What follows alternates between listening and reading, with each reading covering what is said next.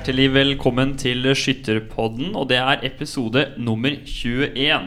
Og nå så sitter vi faktisk på skytterkontoret, og det er lenge siden sist. Og det er onsdag 10. juni. Mitt navn er Sveinung Eide Hansen, og jeg er programleder. Vi har med oss Tom Vegard Feldstykke, som er redaktør i Norsk Skyttertidene. God dag.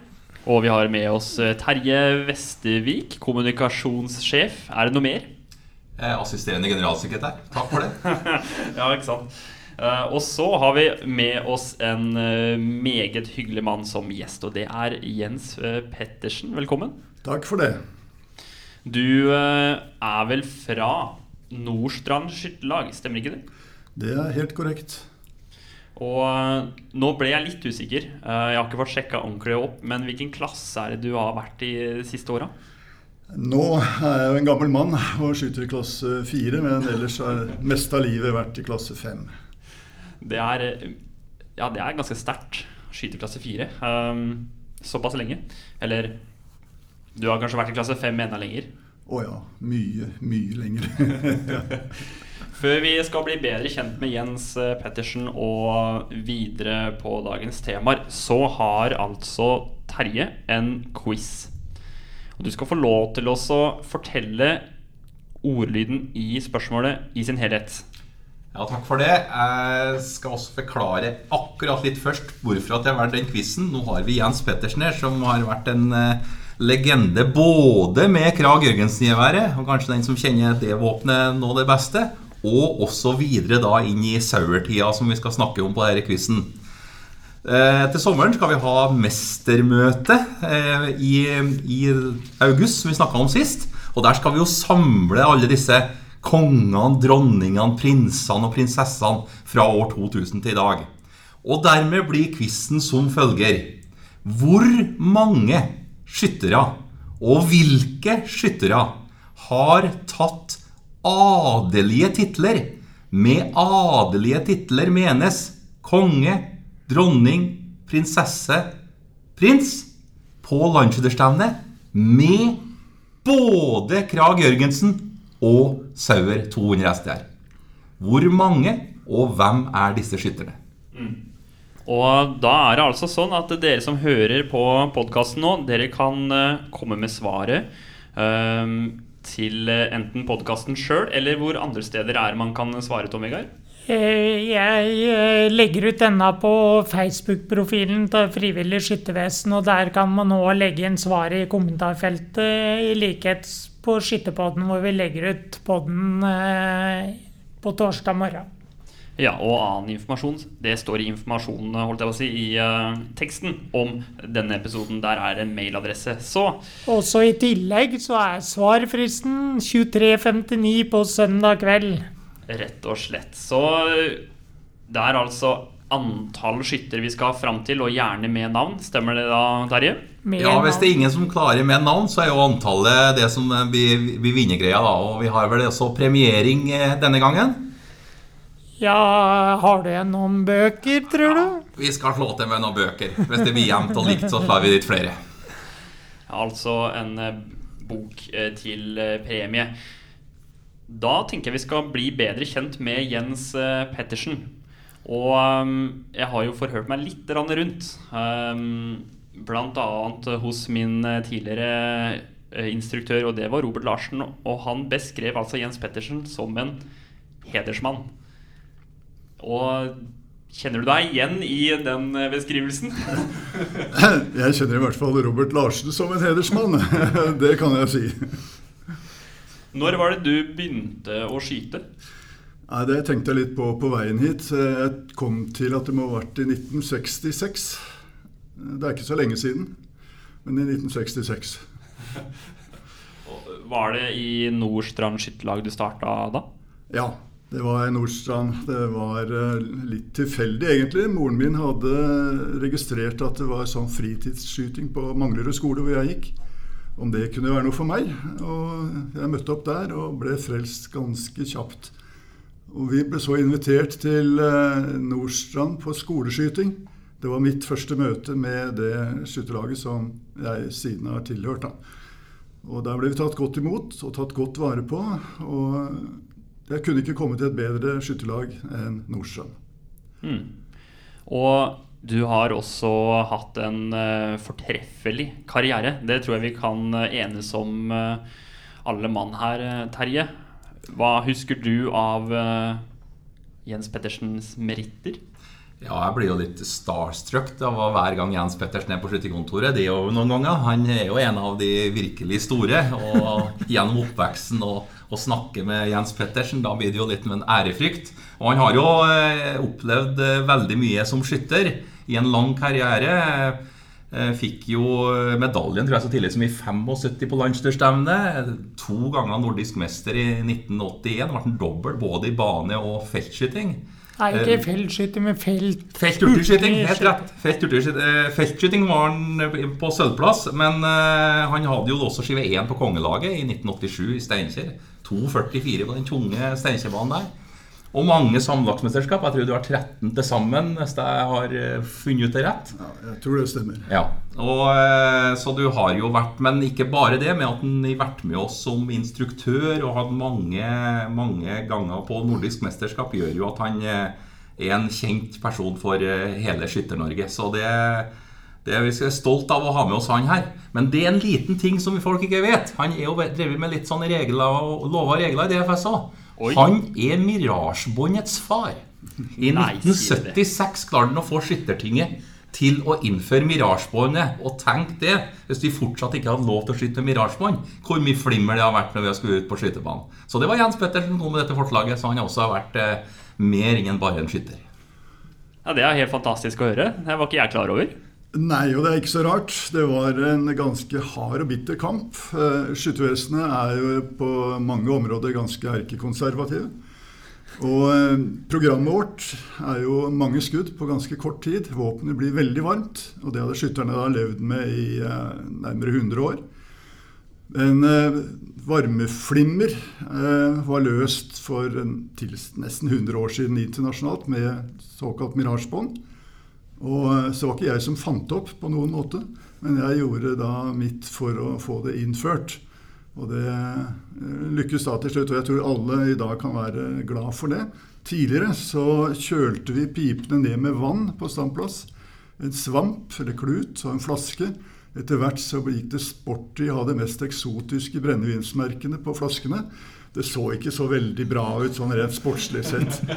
Og så i hver pause så kjølte vi pipene ned mens vi så på anvisninga. Og da freste det fra hver skytter når vannet da fordampa. Så Mirasjebåndet var egentlig en stor forbedring da. Men altså, jeg fant det ikke opp, men jeg fikk da eh, skytterstyret, skyttertinget, til å godta det. På hvilket tidspunkt var det du begynte å trene mer enn vanlig, kan man si? Jeg tror vi kan si 1969. Eh, lille julaften 1968 så fikk jeg en stor pakke fra Kongsberg våpenfabrikk. Det var mitt første våpen, Mauser. Og jeg eh, overlevde nesten ikke jula, fordi det var ingen skyting i romjula. Men på nyåret så fikk jeg prøve da nye Mauseren min. Og fra da av så var det full fart, og etter det så jeg brukte nesten all tid og alle penger på denne sporten. Du har vel vært innom militærlandslaget òg, stemmer ikke? Jo da, jeg skjøt eh, der i en del år. Og det var jo en eh, gavepakke til en ivrig skytter. Kjempegode skyttere, landets beste, er jo gjerne samla der. Eh, Du får ligge på samling opptil en uke med lønn, gratis ammunisjon. Soldater kommandert i grava som anvisere. Det var jo ikke elektronikk på den tida. Og dømming av skiver av spesialister, da. Det var faktisk sånn det foregikk.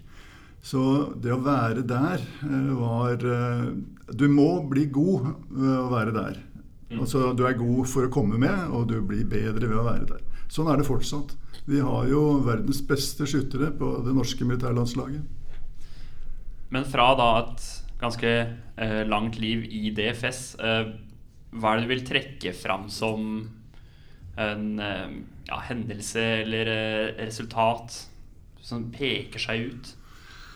Ja, det er jo vanskelig eh, Jeg tror mange vil tro at det er Chivén i kongelaget. Eh, Det er ikke det. På det tidspunktet så uh, var jeg egentlig ikke i form til å ta ski ved. Det var bare en beinhard kamp, skudd for skudd, for å nå dit. Og når jeg da var ferdig og gikk av standplass, så var jeg helt utslitt. Helt skutt, om man vil si. Så det står som en stor begivenhet, men jeg tror nok at jeg vant nordisk mesterskap i baneskyting med Mauser som den siste nordmann. Det tror jeg egentlig står som det største øyeblikket. Og det her bringer oss over til litt av det som er temaet i dag. For nå nevnte du at du vant altså med Mauser. Men hvilket våpen var det man vanligvis foretrakk på baneskyting? Det var ingen tvil. Det var ingen nordmann på landslaget som skjøt med Mauser på bane. Det var uh, gjort av tvang, uh, fordi det ble sagt at det ville ikke ta seg bra ut om vi stilte med to våpen. Uh, skulle de altså velge, så måtte det være ett våpen som tålte vann. Mauseren gjorde det, og dermed så ble det Mauser som kunne brukes i feltskyting og bane. Men den var Det å skyte baneskyting med Mauser når du vanligvis skjøt med krag, det var ingen opptur. Mm. Kan du prøve å beskrive litt akkurat det der med kragen. Og kanskje Terje og har sikkert en historie her. Fordi det er jo mange i DFS som aldri har prøvd å skutt med krag. Meg inkludert. Vi har jo bare tatt uh, servervåpenet som uh, Eller for gitt. Hva var problematisk med kragen? Eh, ikke mye, egentlig, skal være helt uh, ærlig. Og det kunne være mye. Det var jo gamle våpen. Eh, det kunne være låskasse laget på slutten av 1890-tallet. Som da ble bygd om til en liten formue til eh, tidsmessige konkurransevåpen. Mauseren var tiltenkt oppgaven å ta over etter kragen, men eh, den var bundet av restriksjoner som dels var pålagt av skytterstyret, dels av Forsvarsdepartementet. Den fikk ikke utvikle seg og kunne dermed aldri konkurrere med kragen. Så eh, både selve mekanismen, som er uvanlig lett håndterlig, og det at vi hadde tyngre piper i de, altså tyngre våpen, som gir da mindre følt rekyl og roligere bevegelser, i, særlig stående, gjorde at kragen var uh, overlegen. Mm. Men det var altså dette her med vann, Terje? Ja, det var jo et fantastisk våpen på baneskyting når du eh, var under tak. Og også i disse hurtigskytingene var det jo et bra våpen å, benytte. Men det er klart, eh, problemet med kragen eh, kan man si generelt i feltskyting, i hvert fall at det begynte jo å bevege seg treffpunktet når det ble vann på det at du fikk høyere og høyere treffpunkt. Og det er vel også til høyre. Jeg jaggu meg glemt det. Opp og til høyre. Det er opp til venstre. Opp til venstre, sant? Jeg, jeg fortrengte faktisk hva det var. Og, og, og skyttere drev jo da i feltskyting og, og skjøt inn våpenet sitt med at det var vanna på forhånd. Husker, ja, Så at det var sikker på at det holdt seg under feltskytinga. Og i 1980 her i Oslo så skjøt jeg klasse rekrutt og ha en streng Bjørn Myrseth bak meg som passa på at jeg hele tida hadde vann nok, så at det ble bløtt gjennom hele feltløypa. Og Dette er jo altså helt utrolig historie for dem som vokser opp i dag og tenker at sånn var det. Ja, det var sånn. Og eh, jeg må jo nevne at eh, Kurt Arne Berglund i høljende regnvær i Bodø, i feltskyting, ble nordisk mester med krag. Hvilket var en eh, grenseløs stor prestasjon. Jeg vet nest, Jeg er litt sånn uten ord, jeg, fordi jeg har jo som sagt aldri hatt noen erfaring med krag. Og både vanne sluttstykke og løp for å Nei, jeg vet ikke hva jeg skal si. så skytterne i dag har med andre ord eh, helt like forutsetninger som kanskje ikke var så likt den gangen som det er i dag, eller? Det var nok større forskjeller sånn rent våpenmessig når det gjaldt presisjon og funksjon. Eh, tidligere, da saueren kom, så ble det likt for alle. Sånn sett eh, mer demokratisk, kan vi si. De beste skytterne de eh, henvendte seg til landets beste børsemakere, som visste hva de gjorde. Magne Landerud var jo en av de som var eh, i geværutvalget i skyttervesenet. Og eh, det kunne gjøres feil fra børsemakernes side som gjorde at du aldri ville kunne hevde deg i, skyting. Men det skal sies at jevnt over i Norge hadde vi utmerkede børsemakere, og mange fant nok en anledning til å skylde på geværet når resultatene var dårlige. Er det her noe som henger igjen, tror du, Terje? At uh, det fortsatt klages over litt løp og børser, men så sammenligna med det vil jeg si, det, det med sauen, nå har det gitt en sånn jevn struktur. Nå har halve et våpen som går. Men det er klart, Krag Jørgensen var det veldig forskjellig, og det gikk jo rykter om at den og den hadde en krager som gikk veldig godt, og den og den hadde det og det mekanismen som var bra, og det var gamle, Jo gamlere mekanismene var, jo bedre var de. Vi kom tilbake til 1894 og sånn. Det var liksom de beste årstallene. Så, eh, men så gikk det litt sånn eh, med kjøpet, da, til prisene. En som hadde en veldig god krager, da var prisen mye høyere. Jeg har et godt eksempel selv. Jeg husker min far kjøpte min første krager, eller den krageren jeg hadde denne tida, med en eh, kombinostokk, faktisk, i 1979. Den som, han kjøpte den for 2100 kroner. Og så gikk jeg bort og ble samlagsmester i rekrutt rett etterpå. Og da kom en far og sa den vil jeg gi 5000 kroner for. Så det var, da lærte jeg at eh, dette var en bra investering. Men den ble ikke solgt, da. Man kunne nesten gjort butikk på det greiene her. Det, var, det, ble gjort butikk på disse greiene. Altså, gode låskasser ble etter hvert mangelvare. Eh, de var produsert, De siste låskassene ble produsert før krigen. Og Seinere tok man av det lille lageret som var igjen, og kannibaliserte gamle rifler. Uh, jakten på låskasse var ganske intens, og noen var villige til å gi nesten hva det skulle være for en god mekanisme. Så Sånn sett så skal vi være glad i DFS at vi havna over på et nytt våpen i 1990. Absolutt. Uh, det er i grunnen bare godt å si om uh, den utviklingen der. Og i dag så er det jo stor tilfredshet over hele bevegelsen over det våpenet som ble valgt av i slutten av 1980-åra og tatt i bruk i 1990. Hva var det som fikk den prosessen i gang til å se etter et nytt våpen? Det begynte å bli eh, problematisk med gamle låskasser som eh, man oppdaget sprekkdannelser i. Og man var redd for at man skulle få en, eh, et sikkerhetsproblem på gamle låskasser som kunne sprenge. Man hadde ikke det, men man fryktet det. Og Samtidig så var eh, danskene ute etter et nytt våpen. Og svenskene var motvillig med på leken. Men eh, det var vi som i grunnen var ute etter et nytt våpen. Eh, og muligens satte prosessen i gang. Mm. Hvordan Eller var, hvilke kvaliteter var det DFS så etter i den prosessen? Ja, Det er mange kvaliteter. Vi hadde jo eh, mye erfaring med både Mauser og Krag. Og man visste jo hva skytterne foretrakk av disse to våpentypene. Så de beste elementene fra Krag eh, ville da være attraktivt å videreføre i et nytt våpen.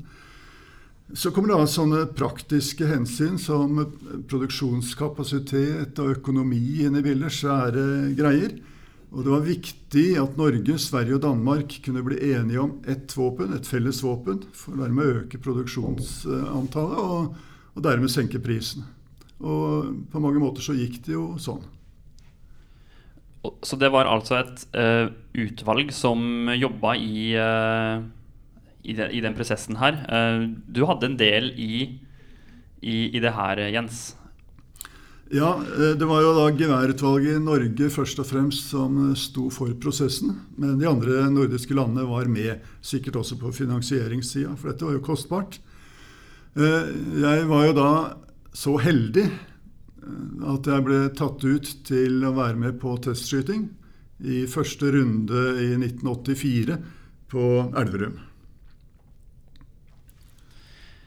Det, jeg syns det her er uhyre interessant. For det, jeg har jo aldri tenkt over at det var eh, en så omfattende jobb å, å, finne et nytt våpen. Men eh, etter hva jeg har forstått, så var det endt opp med fire våpen som ble testa for å avgjøre hvem våpen man endte opp med. Det var sikkert flere inne i bildet fra starten av, men det var vel rundt fire-fem til slutt. Ja, det var fire våpen det sto om til slutt. Da hadde vi holdt på altså 84, 85 og 86 med testrunder i Norge, Sverige og Danmark. Og etter siste runde så var det fire våpen igjen som konkurrerte om eh, å bli valgt til det nordiske våpenet. Hvem våpen var det? Det var Mauser, det var Steir, det var eh, Kongsberg. Så tror jeg det var Jo, det var Saur som var den siste på lista der. Mm. Jeg fikk også se faktisk eh, et våpen som, eh, som da ble lagd av Eriks våpenteknikk, som het Carl Gustav. Da ble det lagd tre sånne prototyper. Um, men som, den, den ble jo ikke godkjent, da, så, det fins jo bare tre stykker av den. Uh, veldig fascinerende å, å se uh, at det kunne blitt det våpenet. Um, men valget falt jo altså på, på Sauer. Dere valgte jo da å satse på, på de. Det har jo vært Det har jo vært noen eh, ja, nyheter nå nylig om Sauer, eh, Tom Vegard, som du har skrevet om. Ja, forrige uke så kom det jo nyhet om at fabrikken hvor saueren vår blir produsert, skulle legges ned. 130 ansatte mista jobben. Og det er nok tragisk for hele lokalsamfunnet der det er. Og siden den beskjeden kom vel på onsdag i forrige uke, så har man jobba veldig mot eierne og sånn for å se på mulighetene for å produsere den et annet sted. Foreløpig, Terje, så har vi vel ikke fått noen endelige bekreftelser. Så per nå så jobbes det godt med saken for å prøve å sikre at vi fortsetter sånn som i dag.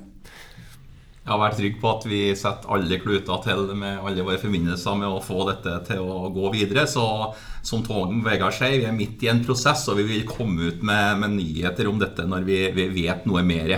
Men vi har en god dialog med, med, med Sauer om dette der. Mm. Det er jo betryggende å høre. Eh, man kunne jo nesten spekulert i at oi, blir det ikke lagd flere sauere, kommer prisene til å stige i været. Var det noen som uh, eh, snakka om på skytebanen uh, her forrige uke. Men uh, jeg tror vi skal være det skal, gå, skal nok gå fint. For å si det sånn, for DFS-skytteren så skal man vel være ganske glad for den avtalen som ble skrevet den gangen, som har gitt en veldig fordelaktig pris i Norge på akkurat det våpenet, hvis vi ser hva man f.eks. må betale for samme type våpen i Tyskland. Så er det nesten det dobbelte i pris. Og det skyldes ingen tilfeldighet. Det var beinhard innsats fra eh, geværutvalget i Norge, først og fremst. Med general Erik eh, Jørgensen, var det han het, Jørgensen. i spissen. Som var tidligere generalfelttøymester, og som var vant til å håndtere våpenfabrikker og svære kontrakter.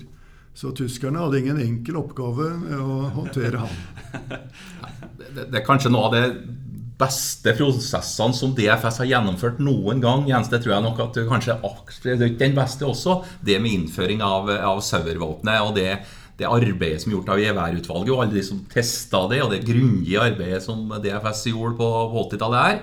Det er noe man skal være særdeles stolt av. Jeg husker sjøl, altså, eh, som en skytter da i Trøndelag på 80-tallet, at uh, Tore Reksteberg var tatt ut som en av disse testerne. Og når jeg så Tore Reksteberg da han var på Hegra-stevne på noe feltskyting, så Oi, han får lov til å være med på dette. Han vet ting vi gjerne skulle ha visst. da Han har noe hemmelig for seg. Så siden så har Tore Reksteberg vært en eh, som jeg har sett opp til, og det er med rette også. Han har jo vært en veldig god skytter i mange, mange år. Og en god veteranskytter nå. Det var jo lagt opp slik at det var eh, representanter blant testskytterne fra alle landsdeler. Eh, og dette ble rotert. Sånn at det var alltid to mann med som hadde vært med i forrige runde. Og så var det fylt på med nytt. Eh, jeg var så heldig at jeg var den eneste som fikk være med på alle disse rundene da, i, i, eh, de tre landene. Da. Så uh, Tore Reksberg var absolutt en verdig deltaker på laget. Men uh, Jens, har du noen gode historier fra tida dere drev med testskytinga? Ja, da må det bli eh, kanskje litt på siden av testskyting, men uh, i andre testrunder i Sverige, som jo var veldig spennende Vi var jo opprømte etter første runde på Terningmoen. Da var Finn Amundsen med, legenden, hurtigskytteren og glimrende skytter som allround-skytter. Han var med, og det viste seg at han hadde samme lidenskap som meg forutenom skyting. Nemlig dessert og puddinger i særdeleshet. Og vi var innkvartert på Astoria hotell. Der var det mye pudding tilgjengelig. Og vi skulle se hvem av oss som var den største puddingspiseren. Jeg kan ikke si jeg husker hvem av oss som vant. Jeg vil gjerne tro det var meg. Men eh, vi spiste oss jo forderva på pudding, begge to, og fikk en eh, smertefull natt. Dagen etter skulle vi skyte feltskyting på 600 meter, bl.a. Og eh, rullende på denne tunge magen så skulle vi da finne ut hvor mye vind er det som Hvor stor er vindavdriften på 600 meter.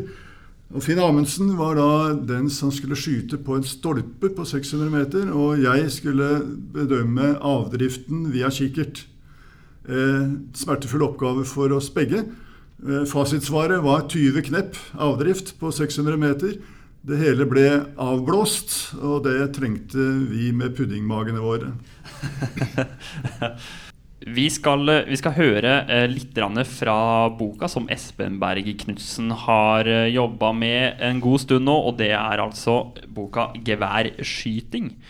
Og han har altså da lest inn noen utdrag fra den boka. Og nå så skal vi få høre om skuddreddhet og napping. Geværskyting, kapittel 3, skyteteknikk, skuddreddhet og napping. Frykt og spenninger kan gjøre det vanskelig å gjennomføre riktige avtrekk.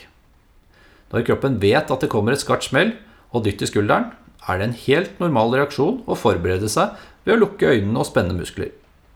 Når frykten er stor for at geværet skal gli ut av blinken, med konsekvensene det kan ha for poengsummen, er det også normalt å ville ta et for raskt avtrekk, eller nappe, når muligheten er der. Begge disse naturlige reaksjonene vil kunne inntreffe når du skyter. Dersom de i tillegg oppstår samtidig, kan resultatet bli ekstra ille. Måten du kan bli kvitt skuddreddhet og napping, er i prinsippet enkel. Gjør kroppen komfortabel med det vanskelige, eller sagt på en annen måte, gjør det unormale til det normale. En metode er å dele utfordringen opp i enkeltelementer og øve hvert av dem i økende vanskelighetsgrad. Hvis du er skuddredd, kan du ta bort blinken og skyte annethvert skudd tørt og skarpt mot hvit bakgrunn eller i volden, inntil du tør å ta imot rekylen uten å blunke eller spenne kroppen. Så kan du introdusere blinken i sikte og skyte annethvert skudd tørt og skarpt til du klarer å gjennomføre riktig hver gang. For å gjøre det enklere kan du ta ut kornet av forsiktet. Hvis det fortsatt er vanskelig å gjennomføre gode avtrekk, går du tilbake til å skyte uten blink. I hele denne prosessen er resultatet på skiven uinteressant. Poengsummer er bare egnet til å forvirre og ødelegge arbeidet med å gjeninnføre den riktige teknikken. Så det var altså uh, Espen Berg Knutsen og ja, i hans forsøk på å, å, hjelpe oss, eller de som sliter med napping og skuddreddhet. Jeg vet ikke, Terje. Du snakka jo for en god stund siden om nappevarslere. Ja, det var det jeg har deltatt på sånn NM i sjøisfiske. det. Da var jeg nappvarslere de drev med der, for å vise at man fikk napp på isen. Og da sa jeg vel i en sånn pod tidligere her at nappvarslere skulle vi hatt på skytterbanen òg. Der det peip i, i avtrekkerbøylen eller noe sånt, men samme med nappa. Så kanskje det har kommet noen lyder. Da tror jeg det har vært mye lyd fra min side, i hvert fall. Og mange har nok kanskje ikke likt det. Men Terje, du hadde blitt hørselsskada, for det hadde pipet konstant. Ja, viktig med gode hørselsvern har vært, ja, helt sikkert. ja. Eh, du har også en annen historie på lur, eh, Jens. Fra ja, Var det et samlagsstevne da? Eller hørte jeg feil? Vi snakka vel i stad om Og vi skal snakke litt om samlagslag eh, senere her. Og Jens, du har jo fått deg en EC-medalje, men det var en gang du ikke fikk, tror jeg. Var det noe der? Ja, Det er litt uh, sånn pinlig affære, egentlig. Men det var på landsskytterstevnet i Bodø, tror jeg. Hvor uh, vi kom likt med et annet samlag, og det skulle da være omskyting. Og vi eh, stilte ikke tilstrekkelig mannskap, for to hadde reist hjem. De trodde ikke det ble noen medalje. Og det stemte jo. Det ble ingen medalje. Noen som har dratt på bytur i Bodø i stedet for å være igjen og ta den omskytinga. Det er flere som har gått på den smellen der. Det er ikke enestående, men eh, det er selvfølgelig ikke noe de er stolt av. Altså, tenk å dra hjem, da. Ja ja. Og på landsskytterstevne, da. det skal nesten ikke være mulig når du har kjørt hele veien til Bodø. Men, men. Vi har altså den uh, våren her uh, spurt gjester uh, om å sette opp et drømme-Ellis-lag til samlagsskyting. Og det har vært en del gjester som har gjort, og vi har fått høre litt forskjellige varianter. Noen har virkelig gått etter de beste skytterne, og andre har hatt litt andre temaer. Og så har vi jo altså ikke fått høre hva slags lag Terje gjerne skulle sette opp. Og så tror jeg jaggu meg Tom Vegard også har et lag på lur. Jeg vet ikke hvem som vil være først ut. Vi får vel ta det beste først, kanskje. Beste da bør først. jeg begynne. Eh, Jeg har tatt litt utgangspunkt i eh, min jobb som journalist når jeg har satt opp eh, mitt eh, drømmesamlagslag. Eh, Det har nok en overvekt med kvinner på laget også, som kanskje ikke er helt tilfeldig. Nei ja. Eh, Min første etappe på det laget har jeg tatt med ei dame som eh, jeg skrev om i 2007. Ble prinsesse i Steinkjer. Det er Lindy Hansen fra Spydeberg skytterlag. En veldig god matchskytter òg. Har vel en seks-sju kongepokaler eh, i Skytterforbundet i tillegg. Hun var en veldig god skytter, eh, veldig stødig, og fikk endelig oppnådd en av sine drømmer den gangen i Steinkjer i 2007.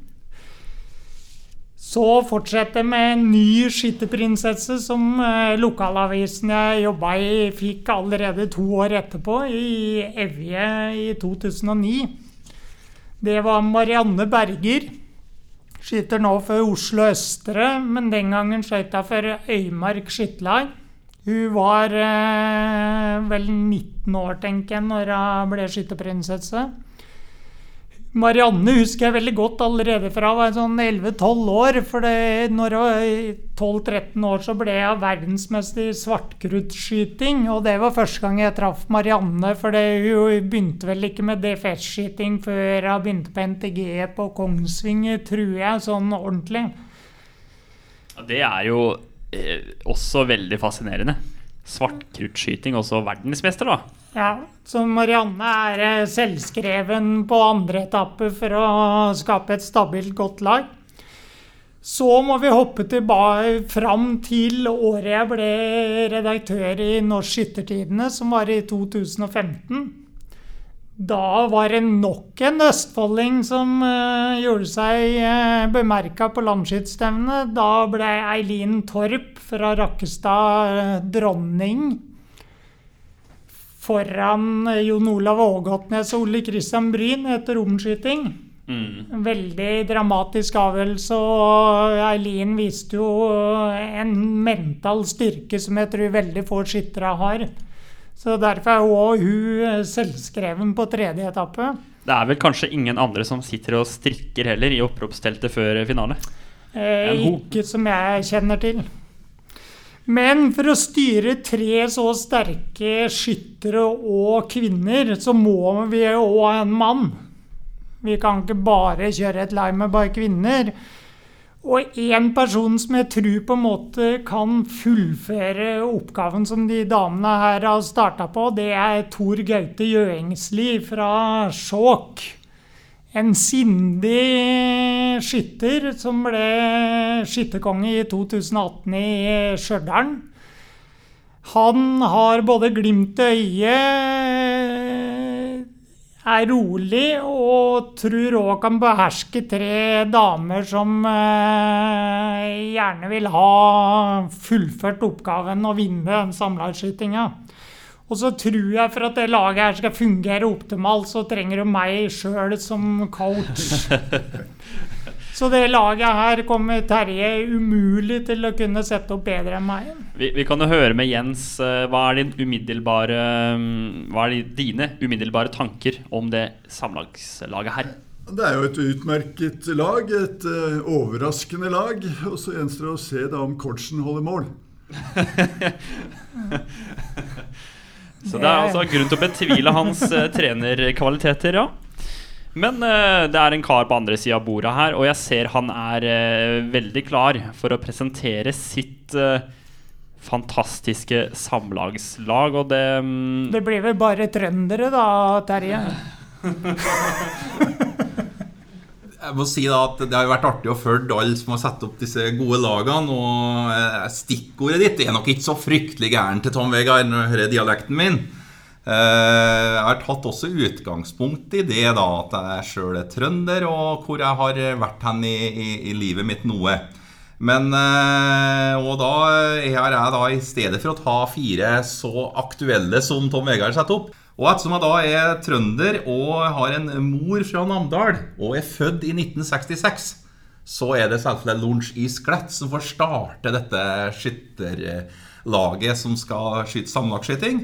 Eh, Lunsj i Sklett er jo kanskje den, eh, en av de største i hvert fall da, fra, fra Namdalen og setter spor etter seg som den eh, siste skytterkongen fra Namdal. Og også en lang karriere som samlagsleder og tillitsvalgt i DFS, og har den høyeste utmerkelse i DFS eh, fortjenstfinalen i gull. Så dette er noe med organisasjon òg, når jeg tar med Lorentz i Sklett. eh, Hvilket år er det han eh, hadde sine høydere? Ja, det var da i 1966, og så har han også en, en, en prinsetittel fra 50-tallet. Så han hadde begge de titlene med seg. Ja. Til etappe to så går jeg enda nærmere der jeg vokste opp, eh, i Steinkjer kommune. Og da får Arve Skjeflo, skytterkongen fra 1972, den etappen. Arve Schæflo var jo en eh, stor legende for oss som da vokste opp i Steinkjer-området og i Trøndelag på den tida der. Det var jo han vi så opp til som den store guden. Og han var ikke minst når det var omskytinger, når det var stående skyting, når det var nasjonsfinaler, som vi har på den tiden der, så var jo Arve Schæfle en som eh, gjorde seg veldig bemerka. Og, og det var få som ønska å møte han i en omskyting. En gang på Steinkjer så var det sånn at det ble en omskyting mellom han og en til. Og det var egentlig litt urettferdig for Arve, for han hadde vunnet, men det skapte noe tvil om et poeng. Og da ble det sånn at de, for å være helt rettferdig, fikk han andre skytteren, som jeg ikke nevner navn på, lov til å skyte om med Arve Skjeflo. Så var det noen som sa ja, men Arve, dette hadde du allerede vunnet, så det var jo litt dumt at du måtte skyte om. Og da sa Arve det var ikke synd på meg, men det var synd som han som måtte stå fram og skyte om mot meg. Og han vant jo da, selvfølgelig. Så han var litt cocky også, som vi ikke så veldig mange skyttere er. For folk er sinje, men han kunne si sånne ting som gjorde at det ble noe mer, da. Så du, du vil altså ha inn en, eh, rett og slett en profil for å få litt medieblest? Ja, Arve Schæflo, som tragisk nok også døde tidlig, faktisk før han skulle gå inn på standplass i 1985 på Lesja. Rett før i oppropsteltet så døde han, og det var jo symptomatisk, alle, og da var han bare 45 år. Så det er all minneære her nå til Arve Skjeflo, eh, som jeg da eh, vokste opp sammen med på nesten i Steinkjer.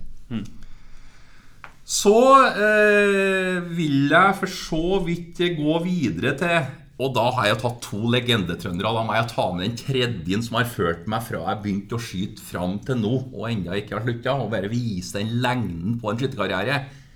Edvin Aamodt. Vi må ha med Edvin Aamodt, som altså vant sitt første landsdelskretsstevne i 1981 på Hitra i Trønderkretsen. Og har altså titler lenger enn et vondt år fram til i, i nå. Og ble da også skytterkonge i 1987. Skytterprins i 19, allerede i 1983.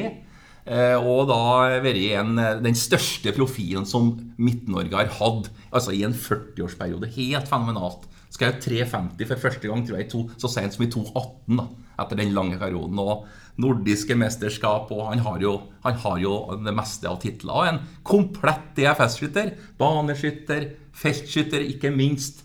Eh, også bare innafor både eh, stangskyting og feltturtiskyting også har masse titler. Så det Edvin fortjener en plass på mitt lag og er også veldig sterk i slike sammenlagtskytingssituasjoner. Da gjenstår det jo bare å høre siste etappe, da. Ja, og der skal jeg ta også litt med min oppvekst, for da var jeg veldig mye i Fredrikstad. På, jeg tante og onkel i Fredrikstad. Alle mine ferier husker jeg fra Fredrikstad og Nesoddtangen, der jeg hadde mine besteforeldre. Men var likt meg aller best i Fredrikstad og i badestenderen som var der. Det var helt nydelig i forhold til hva vi har i Trøndelag. Og da vil jeg ta en en nymotens skytter, som er en eh, veldig hyggelig kar. Også en komplett DFS-skytter, uten at de har fått noen rojale titler ennå. Så er det altså Pål Eivind Ørmen. Som jeg vil si at det er en av disse virkelig gode DFS-erne på mange måter, også holdningsmessig. Og som har tatt uh, dette DFS-sjela veldig opp i seg, og også vært en, uh, en tillitsvalgt for landslagsskytterne tidligere, og har vært det nå i veldig, veldig mange år. Så jeg gir en ære til Pål Evin Ørmen, som jeg fikk eh, hatt gleden av å besøke på gården nede i Råde Ryggeområdet. Og det er en fantastisk skytter som jeg ønsker skal få avslutte dette fantastiske laget mitt på siste etappe i samlagsskytinga. Jeg, jeg, tror ikke det er et så dumt valg med han eh, på Løyvin på siste etappe. For jeg minnes at han skjøt 99 med 9 inne på samlagsskyting i Bodø i 2011. Og så banna han da da han så 9,9 på stående, for den så han ikke.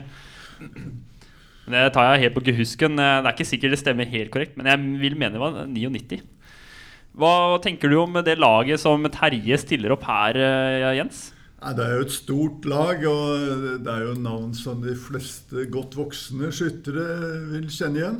Eh, før jeg begynte å skyte, så hadde jeg hørt om Lorentz Sklett. Fordi jeg, vi hadde noen sånne norsk idrett eller noen sånne sportsbøker, og der eh, sto det nevnt Lorentz. Eh, jeg kjenner jo navnet på alle disse her. Arve Scheflo er jo skutt eh, sammen med, og han var jo en fryktet motstander, som nevnt her. Glimrende lag. Dette blir et beinhardt oppgjør mellom disse to. Det skulle nesten vært litt gøy ja, å kunne se det. Kanskje med den cupstrukturen man hadde på samlagsskyting eh, i 2007 og 2008, hvor førsteetappet fra Tom Vegard og førsteetappet fra Terje hadde møtt hverandre og virkelig sett dem uh, sett. Jeg tar gjerne duellen, Terje, men jeg tror kanskje jeg har større mulighet for flere poeng enn deg. Ja, og det er klart, de som nå ikke lever lenger, det er jo vanskelig å få det til i praksis. Men det, er likevel veldig minnerikt over dem og dem nå som lever, som eh, er på dette laget mitt. da. Så Eh, dette er jo ikke noen prestisje sånn sett, men det har vært veldig mange gode lag vi har fått hørt nå, i hvert fall på disse siste skytterpodene vi har hatt. Absolutt. Men det er, det er, morsomt at folk tar ulike utgangspunkt, og så er det utrolig mange sympatiske og gode skyttere i Norge, så det er ikke vanskelig å plukke Eller det er mer vanskelig å plukke hvem du skal ha med, enn, eh, enn å eh, på en måte ikke finne noen det er vanskelig å plukke hvem du skal ha med, enn hvem du ikke skal ha med, si. Mm. Uh, altså, vi har jo nå hatt uh, Vi har jo hatt en del episoder nå den våren her, og, um, og vi har jo til og med fått skytterpodden på Instagram og Facebook, og der har vi lagt ut litt forskjellige artigheter. Og framover nå til sommeren så er det ikke noen flere Skytterpodden-episoder på blokka annet enn ja, mot august og mot høsten. Så neste stopp det er vel rett og slett uh, skytternes mestermøte.